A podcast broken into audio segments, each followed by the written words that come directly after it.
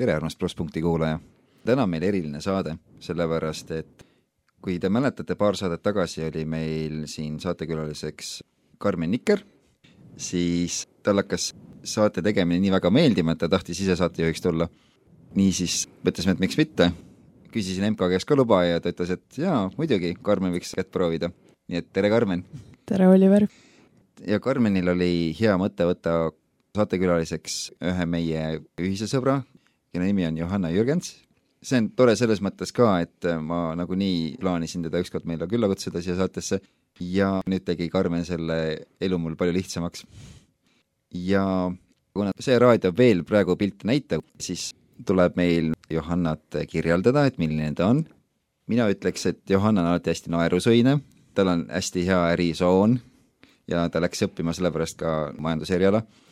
ta on hästi stiilne, tal on äge riietus alati, oma stiil ja tal on hästi ägedad vanemad, ma olen küll neid paar korda ainult näinud, aga nad jätsid mulle väga hea mulje juba, et kui nad kuulevad, siis ma tervitan neid ja Johannal on hästi palju noori sugulasi, kes näevad välja minu jaoks täiesti ühesugused.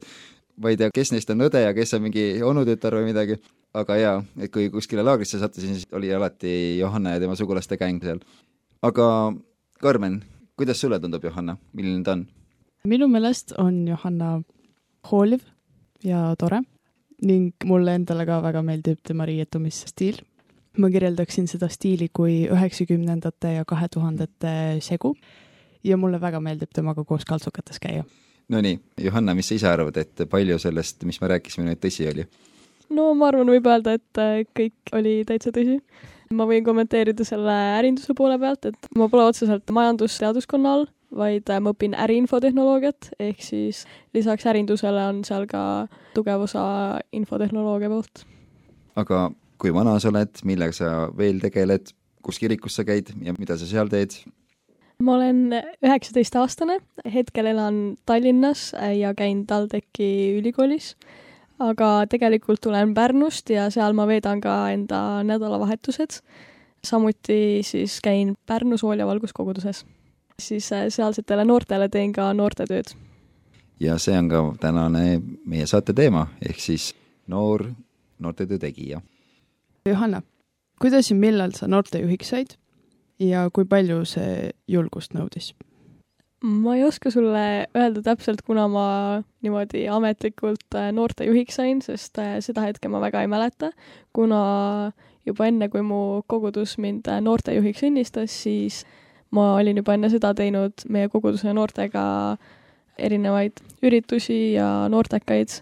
vaatasin just enne tagasi, et kaks tuhat üheksateist aastal on mul telefonis esimene mälestus esimesest noortekast see ei nõudnud minu jaoks väga palju julgust, see tuli kuidagi väga loomulikult ja ma ei ütleks, et ma olen eriti kuidagi vaeva pidanud nägema selle nimel, sest kõik need meie koguduse noored, noh, meid ei ole väga palju ka ja me oleme, ma ütleks, selline ühtne, kõik teavad kõiki, et ma ei pea mingi suure rahvamassi ees esinema või seda juhtima.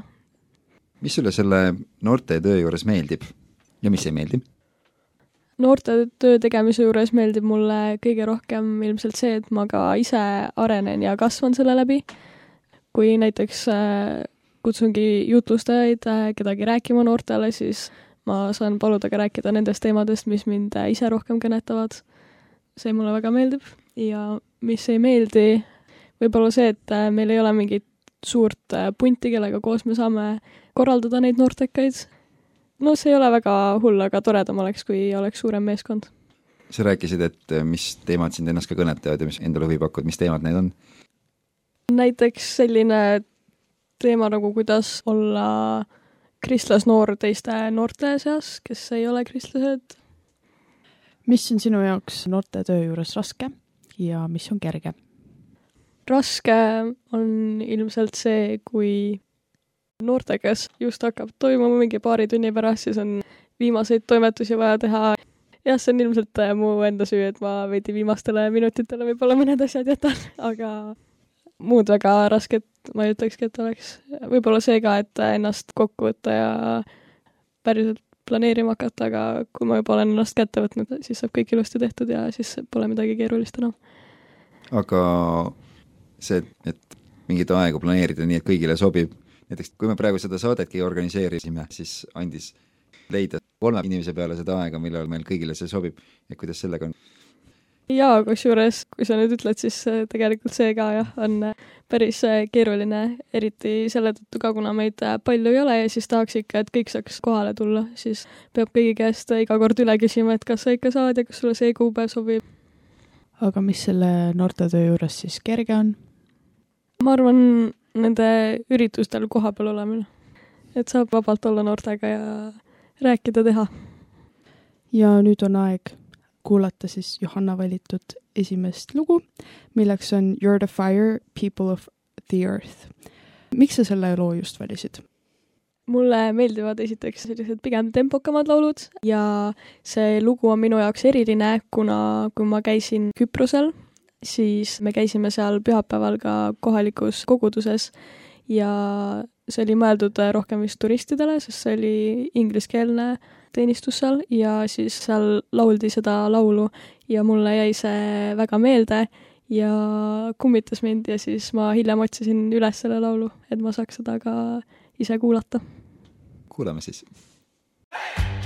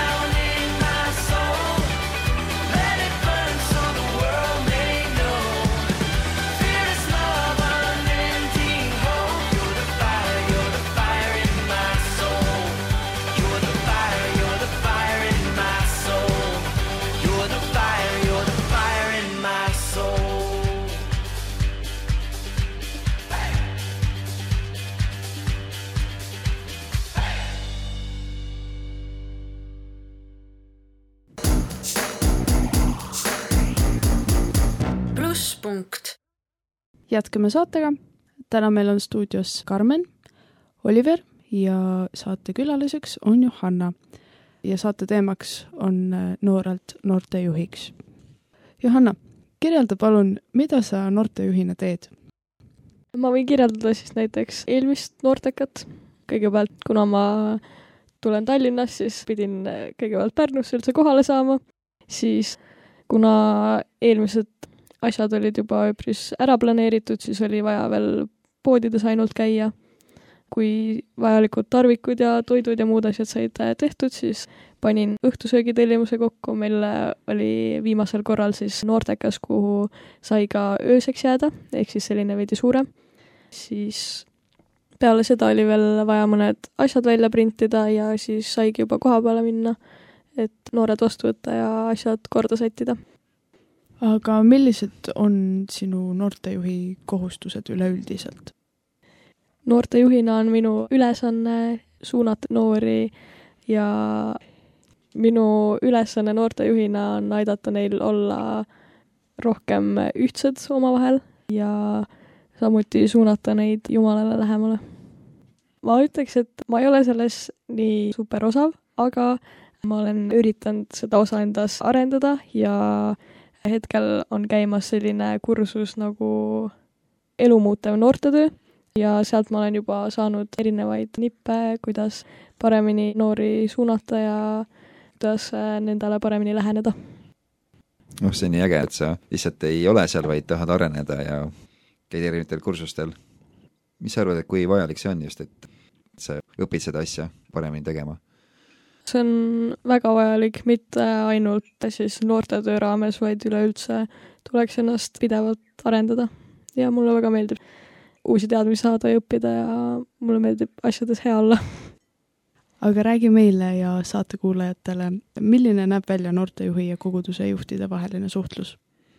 minu koguduse juhid on mulle päris palju vabadust, nad on lihtsalt ütlenud, et tee ja mölla, et siin on raha, kui sul midagi vaja on, abi, siis lihtsalt küsi meilt, et kõik on olemas ja lihtsalt tee.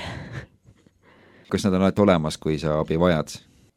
no kui ma küsiks, siis nad kindlalt oleks, aga ma ei ole väga selline inimene, kellele meeldiks abi küsida, et pigem ma saan kas ise hakkama või siis mul on abiks ka mu poissõber, Rannar.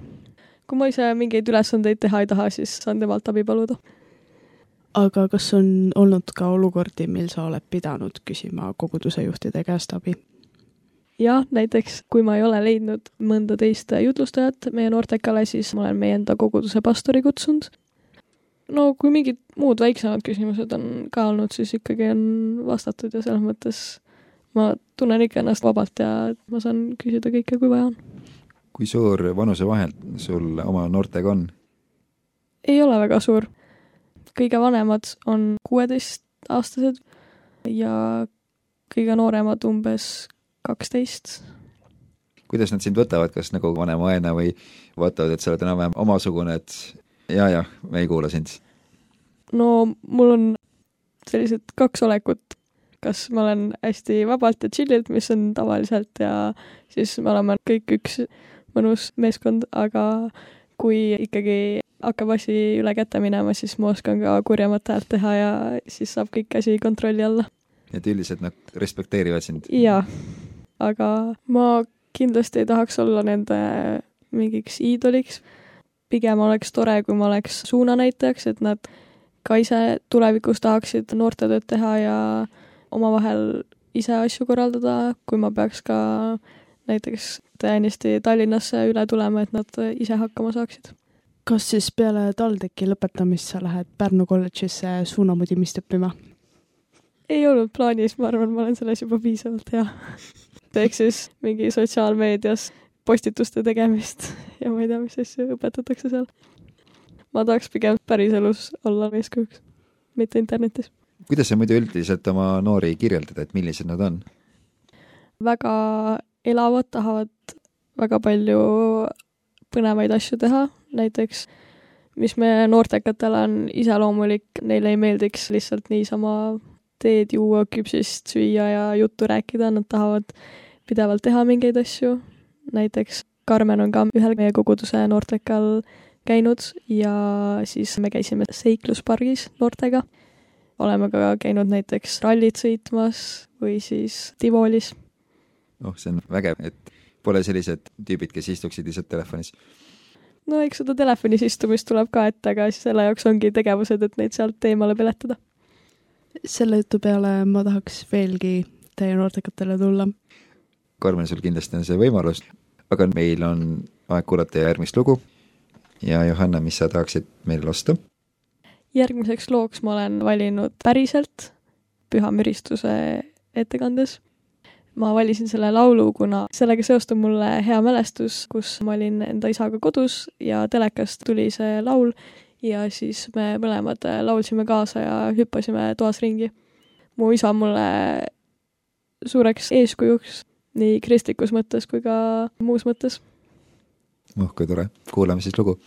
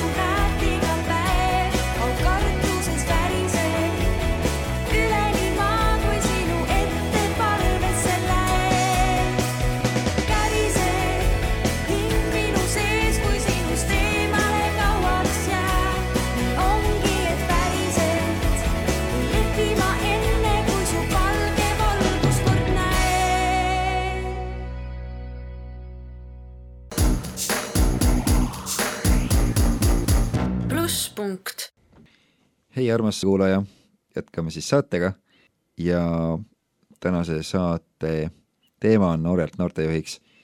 meil on saates mina, Oliver, siis on Karmen ja meil on külas Johanna.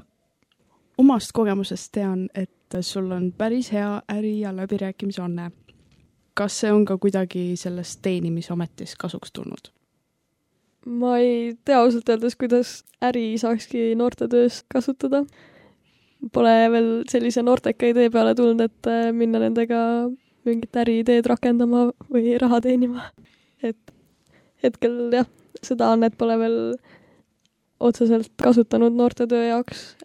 läbirääkimisannet ilmselt saaks kasutada, aga siiamaani pole seda väga vaja läinud, kuna näiteks pastorid, keda ma olen jutustama kutsunud, on ise hea meelega tulnud ja ei ole olnud vaja kedagi tagant utsitada. noh, siis on su töö päris õnnistatud olnud selles mõttes. millest on Jumal sind selle töö juures läbi kandnud, kui, kui palju ja mis olukordades oled sa Jumala abi vajanud? ma arvan, kõige rohkem on mul abi olnud äh, vaja sellega, et ennast lihtsalt kätte võtta ja hakata planeerima midagi, kuna enne noortekaid tihtipeale tundub, et oo, nii palju on veel teha ja kuidas ma jõuan kõik ja siis äh, olen palvetanud ja siis olen ilusti kõigega valmis saanud ja jõudnud ja siis, kui noortekas kätte jõuab, on alati selline mõnus rahu tulnud südamesse ja saab mõnusalt äh, edasi minna. et ei ole pidanud pabistama ega muretsema millegi pärast. sul on endal olnud ka mõõnaperioode Jumalaga, et sa alati pole temaga lähedal olnud, et kuidas sa nende aegadega toime tulid ja kuidas sa näiteks oskaksid oma kogemusi rakendada, kui teistel noortel on samasuguseid asju oma eludes? ma võib-olla pole alati kõige lähedasem olnud Jumalaga, aga ma olen ikkagi alati murede või probleemidega ta poole pöördunud, isegi kui ma ei ole tundnud nii väga lähedust. ma olen alati teadnud, et ta on ikkagi seal olemas ja ma saan ta poole pöörduda. ma pigem mõtlen, et need olukorrad on just mind ennast aidanud selles osas, et ma tean paremini, mida noored võivad äh, läbi elada ja mis olukordades või perioodides nad äh, parasjagu võivad olla. et äh, mul on nendega siis lihtsam suhestuda, ma arvan. kas sul on olnud ka võimalusi, mil sa oled saanud olla noortele mentoriks ja aidata neid nende enda probleemidega? Kui mõni noor on enda probleemiga minu juurde tulnud, siis äh, ma olen saanud palvetada selle eest koos temaga ja selles osas aidata küll. nii väga nad minuga otseselt äh, rääkima ei tule või ei taha enda muresid jagada, aga kui me oleme näiteks lasknud neil anonüümselt küsimusi küsida, siis seal on nad olnud julgemad. kui tormiline oli sinu enda selline päris pubekaiga, et, et kui palju sind see muu elu eemale tõmbas ja kuidas sa sellega lõpuks hakkama said? ma ei äh, ütleks, et mul oleks selline väga hull pubekiga olnud või et ma oleks jumala juurest täiesti ära kadunud. et sellega mul probleeme ei ole olnud, et mind on kindlasti aidanud selles osas ka mu kristlasest sõbrad, nii et äh, suur aitäh neile. ja mina olen neid saanud samamoodi vastu ka toetada. Ka see, et ma noortetööd teen ja noortele üritusi korraldan, nagu ma varasemalt mainisin ka, siis see on mind ennast palju aidanud ja selles osas ka kindlasti, et isegi kui ma ei ole võib-olla Jumalaga nii lähedane, siis see ikka paneb mõtlema Jumala peale ja tegutsema selle nimel, et seda suhet taastada. no noortel kindlasti ka, kellega sa tegeled, on probleeme ka oma vanematega, sest e-, iga on selline, et kasvatakse natuke rohkem vanematest lahku ja siis tahetakse iseseisvust ja siis tulevad eh, tülid vanematega kergemini teismelise eas. sind on jumal õnnistanud ägedate vanematega, et mis nõu sa neile annaksid, kui neil oma vanematega mingid probleemid on? kas oskaksid anda? ausalt öeldes ma väga mingit ülihead nõud oskaks anda, et mida täpselt tuleks teha punkt punkti haaval, kuna mul endal ei olegi seda probleemi vanematega olnud ja meil on alati päris head suhted olnud mm,. õnnelik inimene selles mõttes. sa natuke rääkisid ka, et nad on sulle olnud eeskuju sellel teel Jumalaga koos ja üldse elus. sa võid tuua mingeid näiteid, et mida te olete koos teinud, mis sulle alati meelde jääb eluks ajaks? näiteks see, et mu isa alati, kui mingid kristlikud üritused on või kuskil on vaja minna, siis ta alati on valmis mind ja mu sõpru sõidutama igale poole ja aitama ja täiega toetab äh, kõiki neid kristlikke asju, mida ma teen. samamoodi noortetöös ka. mu ema samamoodi, nad on kõik väga õnnelikud ja rõõmsad, kui ma midagi teen ja tunnevad uhkust selle üle. ja nüüd on aeg kuulata järgmist Johanna valitud lugu, milleks on Me without you, mille esitajaks on Toby Mac. Johanna, kas sa palun räägiksid meile, miks sa selle loo valisid? ma kuulasin seda lugu tavaliselt siis, kui ma sõitsin koolist koju bussiga ja siis äh, selle looga tulevad mulle head mälestused meelde, kuidas äh, vaatasin aknast välja ja päike paistis, mõnus oli olla, täielik rõõm oli südames alati ja selline mõnus.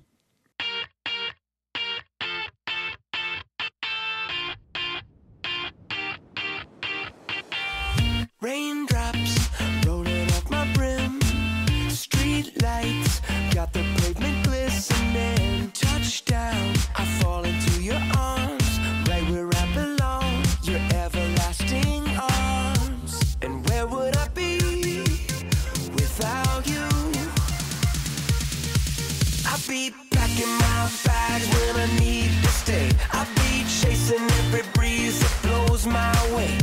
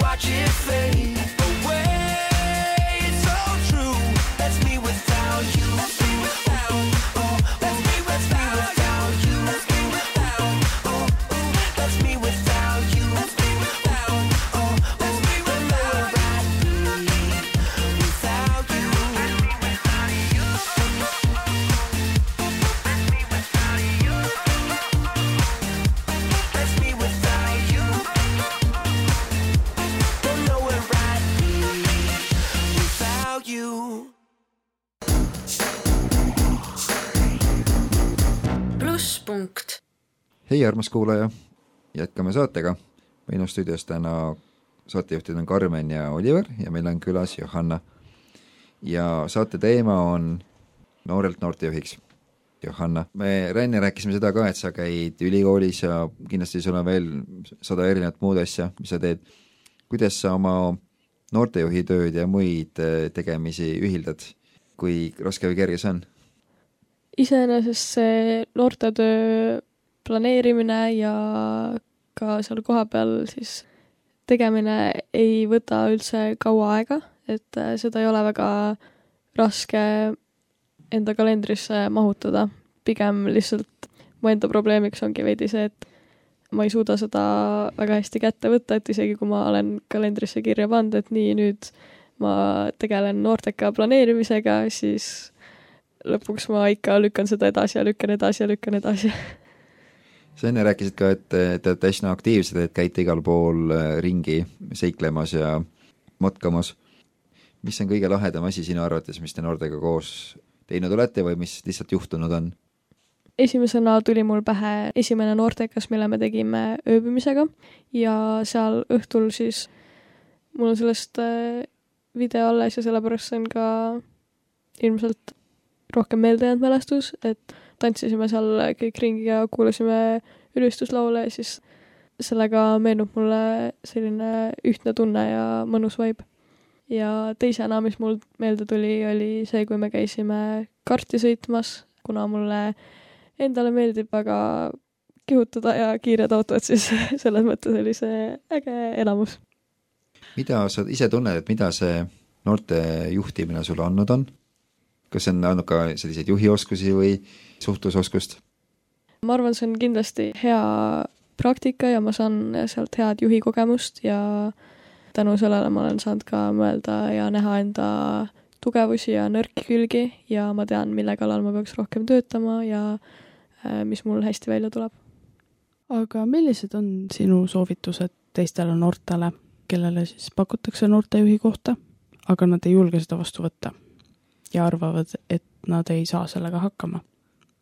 Ma ei julge öelda, et nüüd kindlasti kõik, kellele seda pakutakse, peavad selle vastu võtma, aga ma saan enda kogemusest öelda ja julgustada, et see ei ole nii raske ja hull, kui te arvate või kardate, et kindlasti julguse taha see ei tohiks jääda ja te saate alati palvetada ja küsida Jumalalt, kas see on see samm, mida te peaksite tegema ja kui on, siis võtta see vastu ja nautida. ja viimase küsimusena ma küsiksin sinult, miks tasub teha noortetööd? ühest küljest on kindlasti oluline su koguduse noorte jaoks, sest neil on vaja seda kohta, kus nad saaks areneda ja kasvada ja olla teiste kristlastega koos ja näha, et nad pole üksinda enda olukordades ja neil on sõbrad ümberringi. Aga teisest küljest ka see on äh, sulle endale väga oluline, kuna see tohutult arendab sind erinevatest külgedest, see aitab samuti ka saada Jumalaga lähedasemaks. nüüd hakkab meie saade vaikselt lõppema, et Johanna, kas sa oleksid nii kena, teeksid ühe lõpupalve? kallis isa, aitäh selle saate eest, aitäh kõigi noortejuhtide eest, kes on Eestis ja ka mujal maailmas tegutsemas. palun anna neile julgust, jaksu, jõudu, innovaatilist mõtlemist ja eelkõige enda lähedust. palun, et kõik noored, kes on nii minu koguduses kui ka teistes kogudustes, tunneksid, et sina oled nendega ja kogeksid eriliselt sinu armastust. aamen. amin. amen. ja nüüd on jäänud ainult kõige viimane lugu ja Johanna viimaseks äh, valitud looks on prantsusekeelne lugu, mille nimi on San Complex ja selle esitajateks on Prince Kamer ja Daddy Mikk. miks sa selle loo just valisid? ma valisin selle loo, kuna mulle niisama ka meeldib prantsuse keel ja prantsuskeelsed laulud ja kui mõned aastad tagasi käis mul vahetusõpilane Prantsusmaalt külas, siis ma hakkasin mõtlema, et oo, aga ülistusmuusikat on ju ka kindlasti prantsuse keeles ja hakkasin otsima, mis oleks selline, mis oleks rohkem mulle meeldivas žanris ja prantsuskeelne ja siis leidsin selle loo. aitäh, kallis kuulaja, tulid selle aja meiega, järgmine saade tuleb Tartu stuudiost ja meiega kohtud sa järgmisel kuul. Kuulmiseni!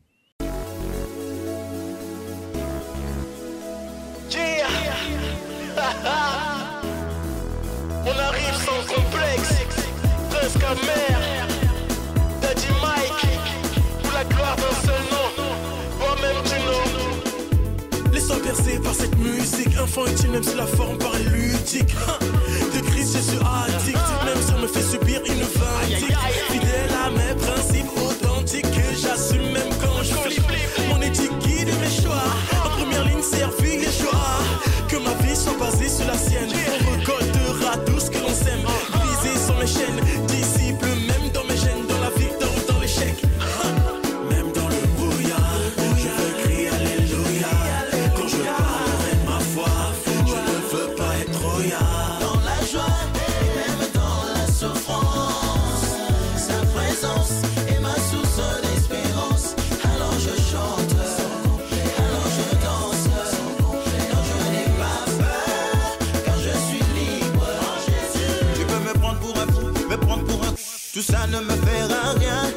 me traites de tout et même de cochon, tout ça ne te sert à rien. Ouvre tes yeux et regarde ce que mon Dieu fait pour moi. Reste là et juste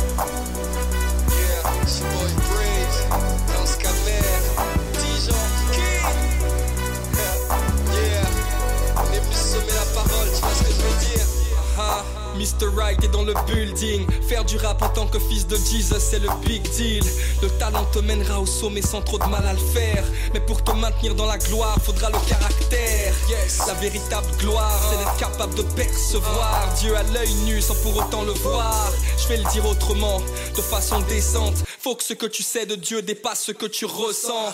Mon compte est parfois vide, plein de trous, plein de creux, mais je suis le plus heureux car je sais me contenter de Dieu. Ne baisse pas les bras, ta fin sera étincelante, car en Jésus-Christ, l'impressionné finit toujours par être impressionnant.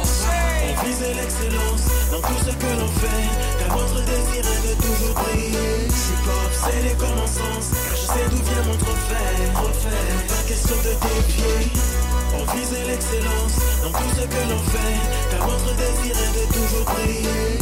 obsédé comme je sais d'où vient mon trophée.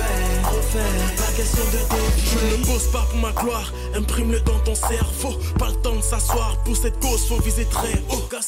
Faut que j'excelle, apporter de la saveur comme un grain de sel. La pêche sème, je ne jette l'éponge que quand je fais la vaisselle. On vise le max, même si on a une attitude relax, accompagné d'un peu d'audace, loin des paillettes et des strass. L'erreur n'annule pas la valeur de l'effort accompli. Mon seul penchant c'est de monter. Faut pas que je plie, né pour briller, même les aveugles me verront rayonner. Au père lié, le meilleur de moi, je veux toujours donner. C'est vanité si cette gloire n'est pas remise au king. Dieu le boss de ma team, caractère incorruptible. Yeah. On vise l'excellence dans tout ce que l'on fait, car notre désir est de toujours briller. Je suis pas obsédé comme sens, car je sais d'où vient mon trophée. trophée. Pas question de défier. On vise l'excellence dans tout ce que l'on fait, car notre désir est de toujours briller. Je suis pas obsédé comme un sens, je sais d'où vient mon trophée. Pas question de dévier. Imitateur de Christ, je veux être excellent. Bien, sûr, j'ai du talent et j'en ai même en excédent. Oui, pour lui, je suis doué, au top voué. Je le loue et me dévouer. Pas question d'échouer, car il est ma bouée. Trop de chrétiens sont constipés, comment se multiplier? Né pour briller sous mes pieds, l'ennemi ne peut que se plier. J'avance en moonwalk, car l'échec est à mes trousses. Le regard sur sa gloire, non, je n'ai pas la frousse. Je vais le dire et m'attirer les foudres du public. En marchant l'excellence, oui, car on est unique. Donc me dis pas que le rap gospel est une catastrophe.